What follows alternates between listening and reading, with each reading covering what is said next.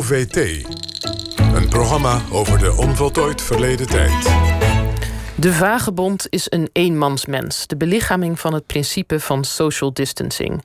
Zo schrijft cultuurhistoricus Leon Hansen in zijn handboek voor de vagebond, dat deze week verschijnt. Vagebonden zijn er natuurlijk in alle soorten en maten. Swiebertje was er één, maar ook Henry David Thoreau, die in Walden zijn, Walden zijn leven in een uh, tiny house beschreef. En natuurlijk was er ook de natuurliefhebber en beschavingshater Jean-Jacques Rousseau.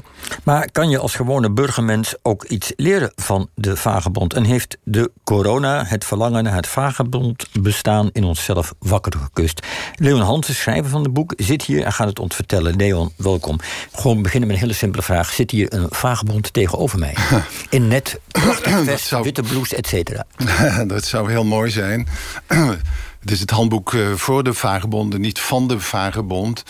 Het zou wat pretentieus zijn als ik mezelf hier als een vagebond zou uh, verkopen. Dat, uh, zo voel ik me niet. Uh, misschien wel wat aspecten daarvan.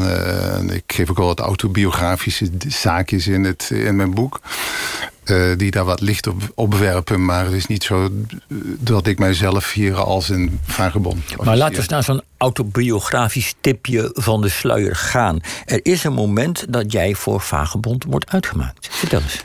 Ja, begint, je moet een boek natuurlijk beginnen met een anekdote. En die anekdote die is in mijn vroege studententijd. Ik ben dan in, kom uit Zuid-Limburg ben met mijn, de vader van mijn vriendin op dat moment uh, naar Amsterdam gereden.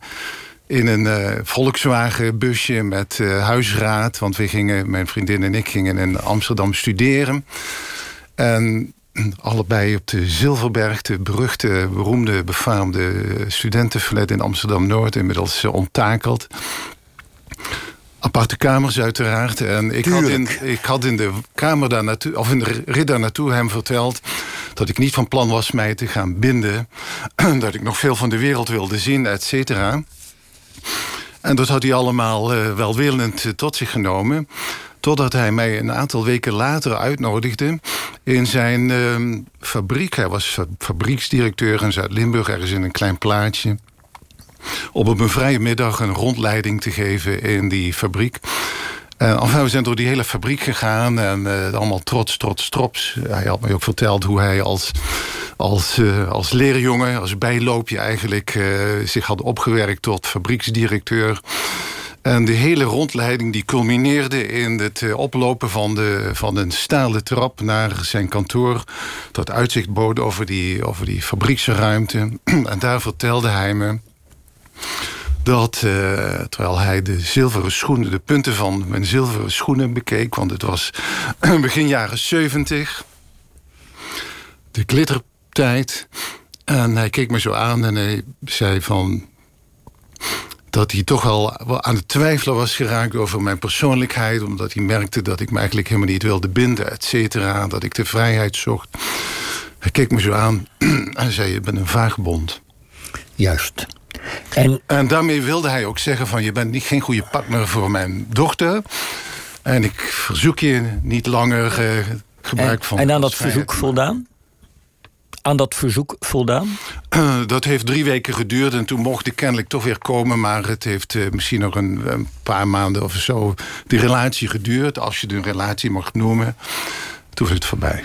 Ik vind het wel interessant, want je, je begint, je zegt van... goh, ik, ik zou mij er niet op voor laten staan een vagebond te zijn. Mm. Um, je, je, wordt dus aan de ene kant ben je ooit beledigd, zullen maar zeggen in die zin. Of je bent uitgemaakt voor vagebond. Maar inmiddels zie je het blijkbaar zelf als iets, iets positiefs. Het is een, een, een nastrevenswaardig ideaal.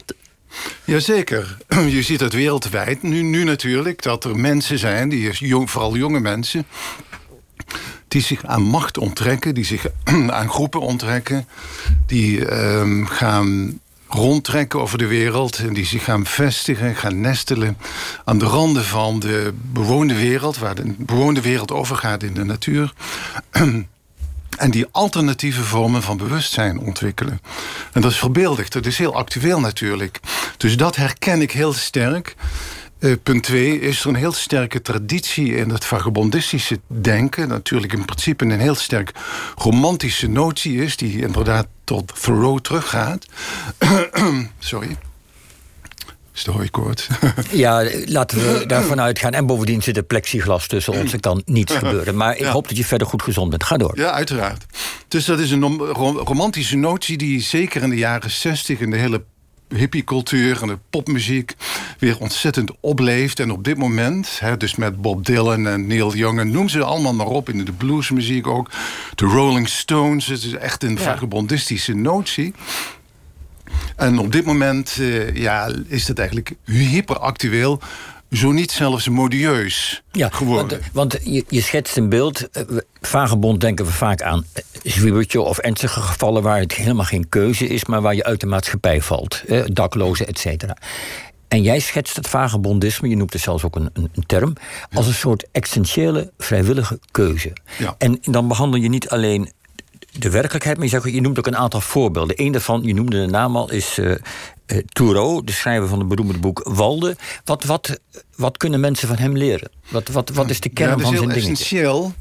Het, gaat, het zijn eigenlijk drie, drie zaken. In de eerste plaats je losmaken van een machtsstructuur... en je losmaken van een groep.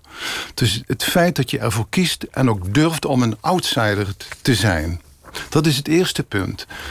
Tweede punt is dat je in beweging komt... en dat je je overgeeft aan een zekere mate van ontregeling. En dat kan eigenlijk heel makkelijk door gewoon, zoals Thoreau zegt... ga wandelen, trek het bos in.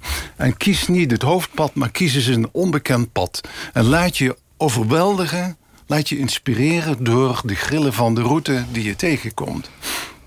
En het derde punt is, in deze trits het ontwikkelen van een nieuw bewustzijn.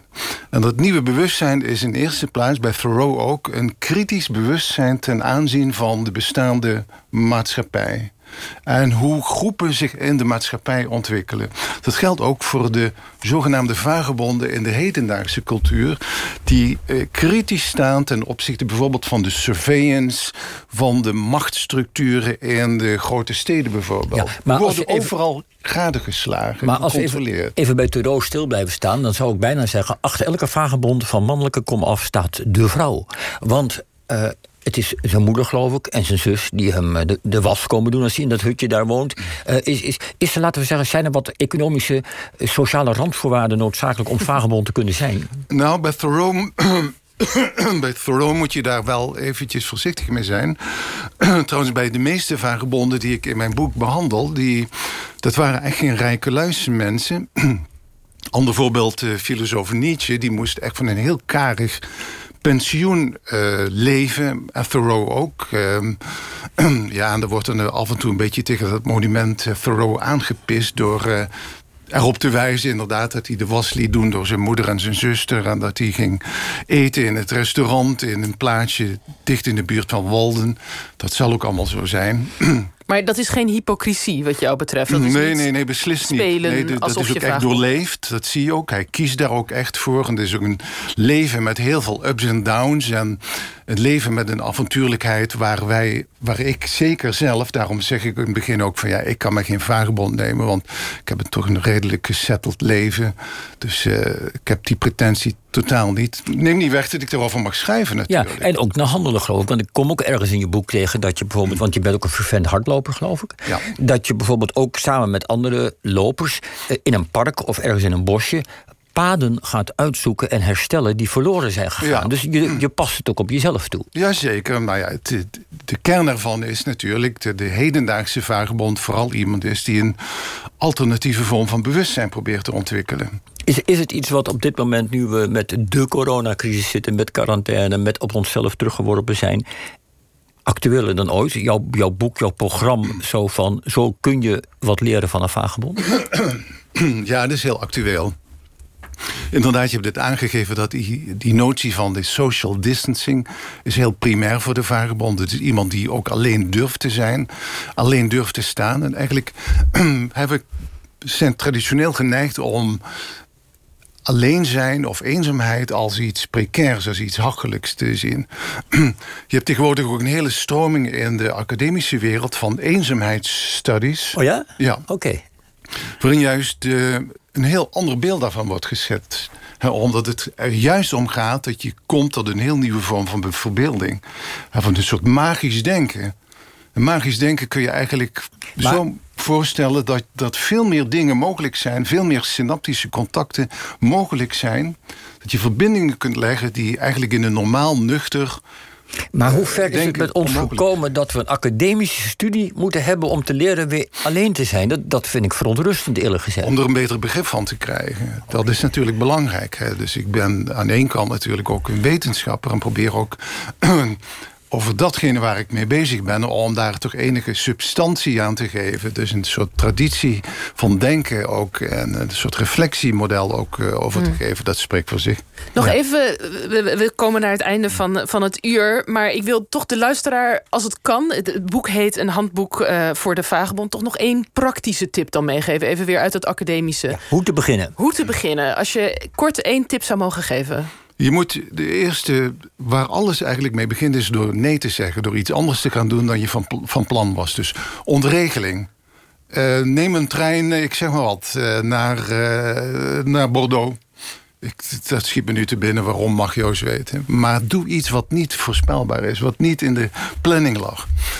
Daar begint het eigenlijk mee. Dat is een mooie tip. We hadden ook ooit dat liedje van Coat en Bie. Nee, nee, nee, zeggen ze nee. Hardop nee, ik doe niet mee. dus dat... ja, daar begint, begint eigenlijk alles mee. Dus de, de bewustzijn ook dat je je losmaakt. De ontregeling aan. Het is een prachtig boek geworden je kunt heerlijk meanderen in het boek en je bent er even helemaal uit. En je leert toch en steekt er ook nog wat van op. En waar is het weer eens uitgegeven?